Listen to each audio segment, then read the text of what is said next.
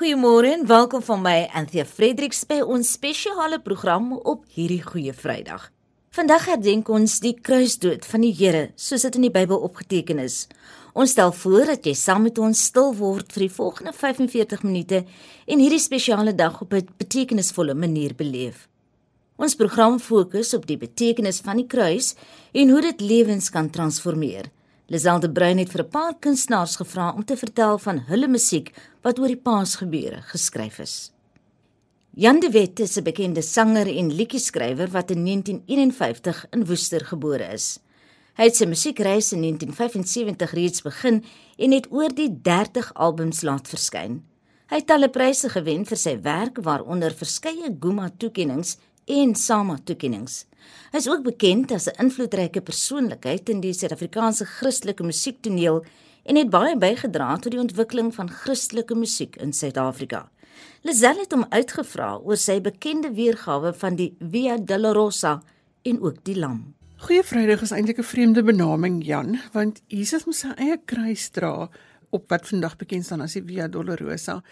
Jy kon alself in Jerusalem daardie pad stap waar die stasies van die kruis aangedui word. Wat was jou ervaring hiervan in Jerusalem? Ja, kom ek sê jy's 'n uh, goeie Vrydag vir ons, slegte Vrydag vir Christus. Vir ons is maar vir baie baie baie swaar pad. Uh die Via Dolorosa, Via beteken pad, Dolorosa, pyn en lyding. So hy die pad van pyn en lyding geloop oor die koppelsteentjies daar in ou Jerusalem. Nou as jy om nou vandag gaan stap dan uh, is dit eintlik amper 'n antiklimaks want uh, dis nog maar een nie die oorspronklike uh, Via Dolorosa nie. Uh, daar was mos maar baie veranderinge in Jerusalem en hy's op 'n kol plat gemaak en so en so uh, die die Via Dolorosa van vandag is is eintlik 'n uh, herinnering aan die ou uh, Via Dolorosa. Ehm um, dit bly 'n goeie ervaring. Ehm uh, maar ek dink die ervaring, die waarde van dit alles is, is in jou gedagtes. As jy dan stap en dink aan wat hy deur deur gegaan het. Want uh, as jy nou vandag daai ding gaan stap dan is dit in die middel van die ou Jerusalem dorp of stad en uh, daar's soveel winkeltjies en goederes langs die kant wat natuurlik dink ek glad nie daar was toe Jesus daai pad geloop het nie en uh, daar so 'n samedroming van mense dat jy amper nie kan stap nie. So uh, jy moet gedurig eintlik fokus op ander ouens wat saam met jou loop op die pad of van voor af kom. Maar die groot waarde van dit is om dit in jou gedagtes te doen en dit was tog vir my, jy weet, 'n uh, wonderlike ervaring om te dink wel hier in hierdie omgewing min of meer het uh, die Here geloop met 'n kruis en hy het dit terwyl van ons gedoen. En daar is verskeie plekke op op daardie roete aangedui as die stasies van die kruis waar Jesus byvoorbeeld se geval het en so aan. Ja. Ja, ek dink dit is meer 'n kerklike tipe van instelling daai. Uh vir my persoonlik het dit nie veel waarde gehad nie alhoewel mense dink aan wat gebeur het maar uh, dit is uit die aard van die saak nie die presiese plek waar dit gebeur het nie. Weer eens die waarde is wat mense in jouself dra en jouself onthou uit die skrif en uit die woord dis eintlik die belangrikste. Ons het sopas geluister na die Via Dolorosa. Is dit jou eie komposisie? Ehm uh, nee, dit is 'n oorspronklike lied wat uh, deur Sandy Patty opgeneem is baie jare gelede en dit het my hart getref toe ek dit gehoor het en uh, dit gaan maar oor die die kruis en die kruis is maar die simbool van die Christendom en uh, dit vertel hierdie verhaal van Christus wat gestap het op die op die lydensweg op pad na Golgotha. Maar nou het ek dit uh, in Afrikaans vertaal en en dit my eie jy weet gemaak en tipe van uh, ja dit Afrikaans laat praat En ek dink tog dit het groot waarde want die ons ken nie eintlik die oorspronklike Engelse weergawe nie, maar dis maar basies dieselfde boodskap. Is daar ander liedjies wat jy rondom die kruisgebeure gedoen het, Jan? Baie, ek is uh, as ek as ek moet as ek moet sê dan dink ek eh, die die waarde, die regte waarde van van my klein bydrae tot Afrikaanse geestelike musiek is hoofsaaklik rondom die kernwaarheid van die kruis.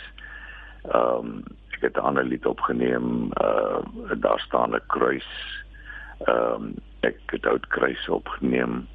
Ehm um, ek het uh, kyk na die lam uh opgeneem wat weer eens soos Via Dolorosa stap op hierdie pad maar dan gesien vanuit die oog van uh, Simon van Sirene. Uh die ja waarskynlik swart man uit Noord-Afrika wat opgeroep was om sy kruis te dra toe Jesus nie meer kon stap nie toe hy so gedehydreer was, soveel bloed verloor het, so moeg was, so gedaan was, so soveel pyn gehad het dat uh, dat iemand anders sy kruis moet dra en hierdie man Simon is gevra om om dit te doen. Uh, so uh, kyk na die lam, die lied gaan daaroor en uh, dan sal natuurlik ou haleluja haleluja liedere. Uh soos uh daar's 'n dierbare kruis of uh deur te sien op die kruis en um, dit is dis besondere liedere. So uh, ek het ek het sommer baie liedere oor die kruis opgeneem. Koos van der Merwe is 'n Suid-Afrikaanse sanger, digter en liedjie-skrywer. Hy sing liedjies van bekende liedjie-skrywers soos Bob Dylan en Leonard Cohen in Afrikaans, maar hy is meer bekend as een van die lede van die groep Prophet.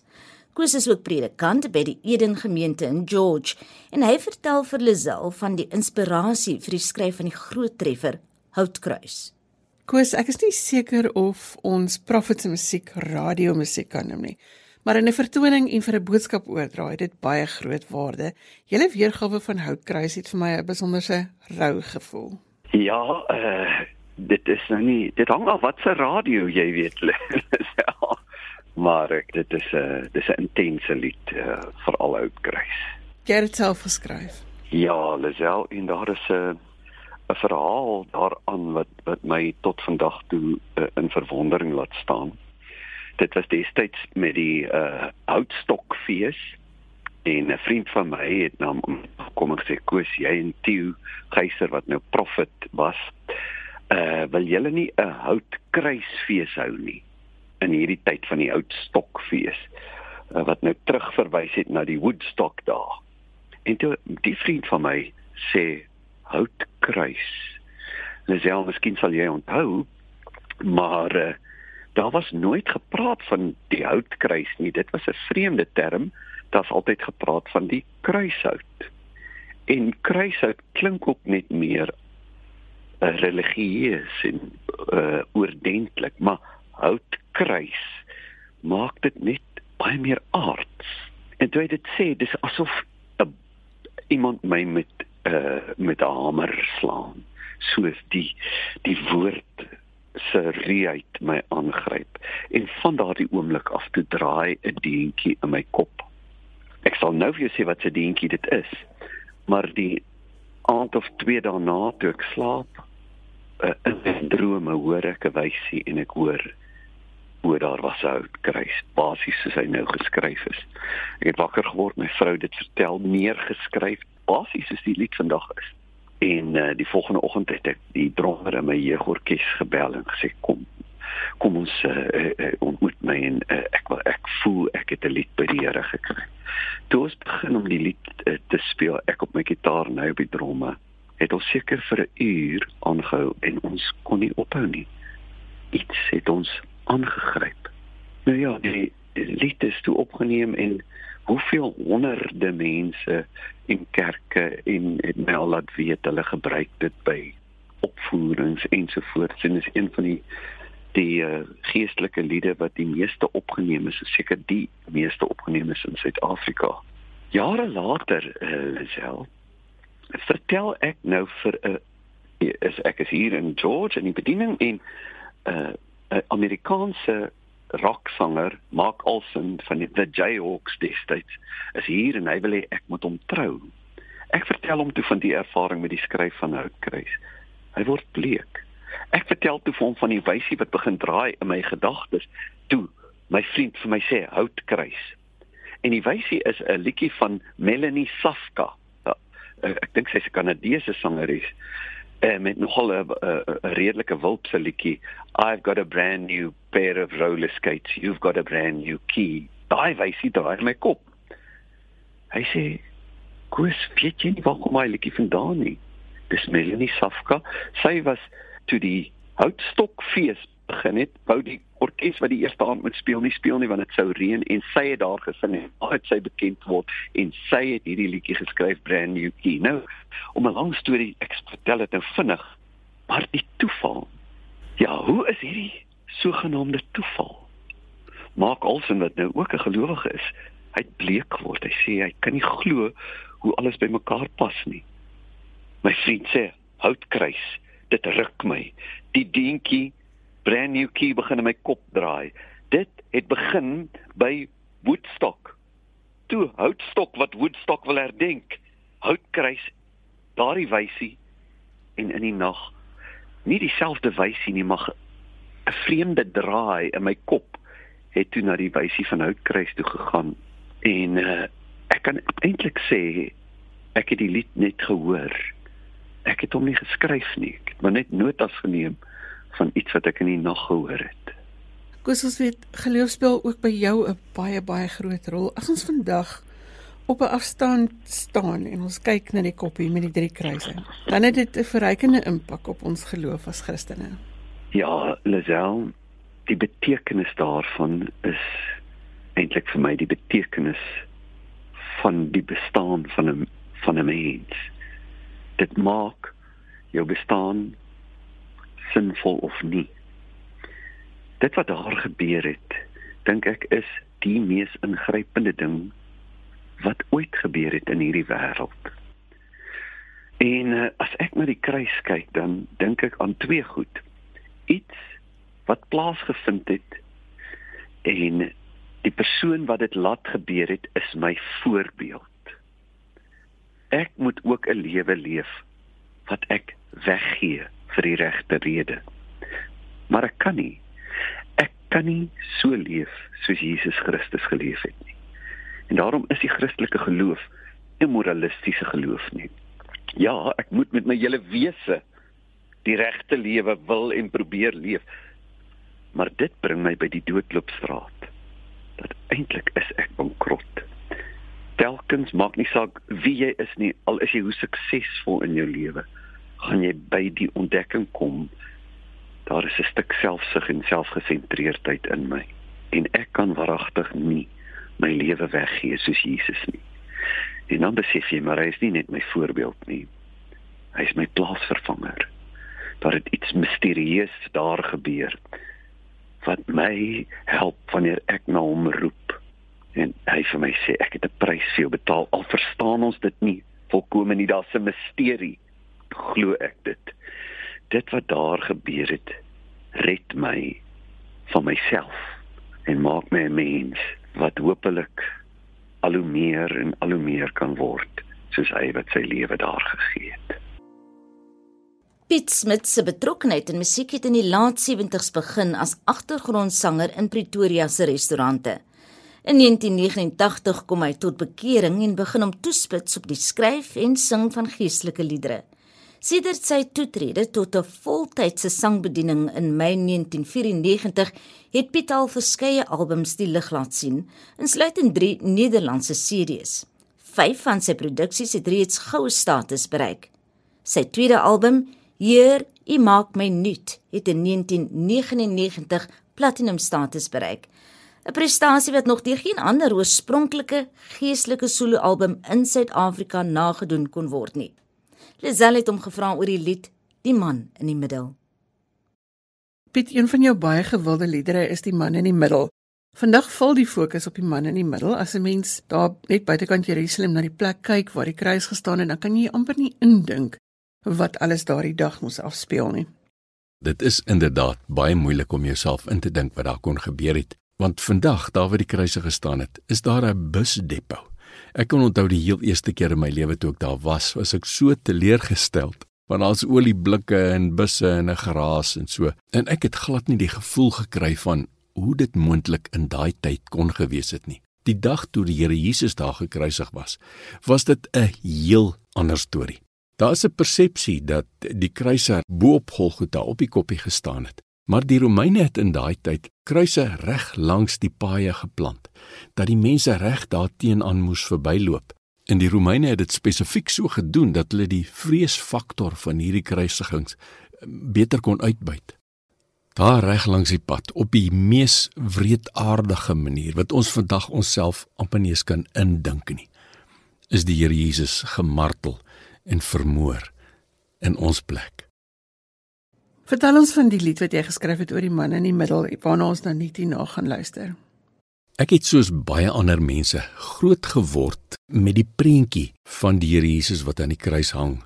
En ek het altyd my hele lewe lank as ek aangeraak deur die emosie daarvan en hoe swaar hy gekry het en hoe hoe hy gemartel is en hoe hy dood is. Maar ek dink daai spesifieke woorde in my plek het nooit by my grond gevat nie. En dit was seker so, ag ek weet nie, enkele dae na my bekering in Januarie 89, het ek weer gedink aan die kruisgebeure. Ek het weer in my gedagtes die Here Jesus sien hang aan die kruis en die totale marteling wat hy moes deurgaan. Maar die keer was ek deel van die prentjie. Ek het binne in die soldaatskoene gestaan van die man wat die Here Jesus met die spies gesteek het. Ek het geweet deur my sonde het ek gehelp om die Here Jesus te vermoor aan daai kruis. Maar die dag toe ek die liedjie geskryf het, het ek besef dat hy dit vir my gedoen het. Die woorde in my plek het daai dag in my hart grond gevat. Ek sê dit ook daar in die laaste sinnetjie van die liedjie. Hy moes betaal sodat ek vir altyd kan lewe.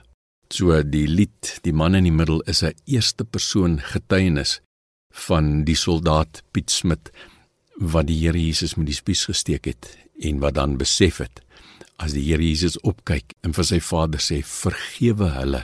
Hulle weet nie wat hulle doen nie. Dan het hy van my gepraat. Die Here Jesus het aan daai kruis gehang sodat ek nie daar hoef te hang nie. Daar aan die kruis van Golgotha het die Here Jesus die prys betaal vir my sonde sodat ek en enige iemand wat dit wil aanvaar eendag vir ewig en ewig en ewig by hom kan wees. Rochelle Liedeman is 'n radio en TV persoonlikheid wat ook haar eie musiek skryf.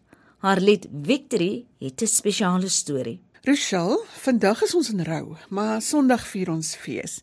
Jy het 'n lied met die naam Victory. Vertel ons daarvan. So die liedjie Victory is 'n geruime tyd gelede. Ek dink 2018 ag het ek hom opgeneem. Ek dink ons het hom eers in 2019 vrygestel en Johan Brits was die skrywer van die liedjie. En jy weet, soms word daar 'n liedjie vir jou gegee of jy skryf 'n liedjie, maar jy het nog nie die pad gestap nie. En Victory was nou nogals een van daai liedjies wat ek altyd gewonder het, Here, ek wonder hoe gaan daai getuienis lyk wanneer dit kom, wanneer ek eendag daar sal by uitkom en ek daaroor praat en storie vertel die lied is baie na in my hart. Hy het uiteindelik so 'n trompet wat in die begin speel wat vir my so 'n regte amper soos 'n shofar tipe gevoel het en die shofar praat van uh, victory dat ons in oorwinning is. En 'n paar maande gelede Die ding wat ek gedog het sal nou nie weer ons pad kruis nie, het toe nou weer ons pad gekruis manlief het 'n paar besluite geneem besigheidsgewys wat hom toe nou sonder werk gelos het en ek dink hy so vir 3 4 maande het hy begin 'n kontrak werk doen vir verskillende maatskappye maar met Covid eh, het van die kontrakte toe nou eh, was toe nou null and void as ek dit so kan stel. En eh, ek het vir die Here gesê ek het gedog die finansiële of die finansiële tipe uh, berg wat ons moet klim, het ons mos nou al voorheen geklim. So sekerlik het ons hierdie ene onder die knie, maar daar's sekere goedes wat karakter bou soos niks anders nie. en, en swaar moeilike tye is seker waar karakter die meeste die meeste gebou word. En op een of ander stadium eh, het ons as kerk besluit ons wil graag 'n worship night hou en wat was die tema? Was victory. En ek sê sin Here ek stap nog nie eens in victory nie. Daar's nog nie eens 'n deurbraak nie. Hoe doen ek dit? En daar's 'n ander liedjie wat ons as 'n gemeente vrygestel het um, Jesus oorwinnaar. En ek vra te vir Here wat is dit? Hoekom sê u dat ons meer as oorwinnaars is? En baie keer stap ons nog nie eers in die oorwinning nie of het die deurbraak nog nie gebeur nie. En ek raak so stil en en, en, en ek hoor hoe die Heilige Gees vir my fluister en hy sê jy is meer as oorwinnaar in my not because of your own circumstances that has of die deurbraak wat al gebeur het nie of die omstandighede het al verander nie maar in my omdat ek al reeds oorwin het is jy 'n oorwinnaar en vir die eerste keer sien ek die liedjie victory is ten spyte van my omstandighede is ek victorious uh, ten spyte van die feit dat ek nog nie 'n deurbraak beleef het nie, is ek 'n oorwinnaar omdat Jesus dit alreeds gedoen het. En die Sondag ehm uh, het hy opgestaan en daarom kan ek meer as 'n oorwinnaar wees. Daarom is ek victorious. En vir die eerste keer sien ek victory heeltemal as 'n ander ding ten spyte van whether I I've overcome or I've had the breakthrough. I am because He is, and He already paid the price for us, and He were raised from the dead, and that's why I'm victorious. Rochelle, as 'n mens in dankbaarheid leef, voordat jy nog iets het om voor dankbaar te wees, en wanneer 'n mens die vreugde leef, Uh, jy ja. sing nou en ek weet nie of dit by jou ook so is nie, maar musiek bring daardie vreugde in jou lyf in of jy nou wil of nie. Sou ons kan sê dat in dankbaarheid en vreugde die die, oh. die manier waarop jy hierdie lied oordra dat dit 'n rol speel. Absoluut, definitief. Ek dink ek wil nie eers COVID opbring nie, maar dit is so 'n deel van ons lewe. Ehm um, en dit het so baie ek kom steel, maar ook so baie kom tuisbring. En in die COVID seisoen het ek elke liewe oggend het ek 5 dinge neergeskryf waaroor ek dankbaar is. En sodra jy dit begin doen, nê, dan word serotonien en dopamien word geskei in jou brein. En dit is die vreugde hormone wat vrygestel word in jou liggaam. En daarom as ons dankbaar is, nê, die Here het ons so geskaap, sodra ons net begin 'n paar goedjies te doen waaroor ons dankbaar is, het jy, het jou liggaam geen ander keuse as om dit te voel nie. En ek weet vir baie mense, mense wat miskien ly aan depressie en dit is 'n wanbalans wat in die brein plaasvind of 'n chemiese wanbalans, is dit vir hulle moeilik. Maar dit is een van daai dinge wat ek probeer op 'n gereelde basis doen omdat ek ook vir 'n geruime tyd met al my kinders het ek uh, postnatal depression gehad En dis nogal se een ding wat die Here dis 'n een tool wat die Here vir my gegee het om in my hand te vat en te sê, "Oké, okay, en waaroor is ek dankbaar?" En as ek nou nog steeds nie 'n deurbraak of of ek ek ek kan dit nie voel nie. Ek moet vir jou sê, tyd in die Here se teenwoordigheid met prys en aanbidding musiek, it just changes the atmosphere. Dit is presies wat jy daar sê. Ons gaste vanoggend was Dominee Jan de Wet, Piet Smit, Dominee Koos van der Merwe en Rochelle Liedeman. Mag jy hierdie goeie Vrydag onthou as 'n dag van refleksie en dankbaarheid vir die geskiedenis van die kruisgebeure. Dankie dat jy ingeskakel was. Van my en Lisel mag jy 'n geseënde dag hê.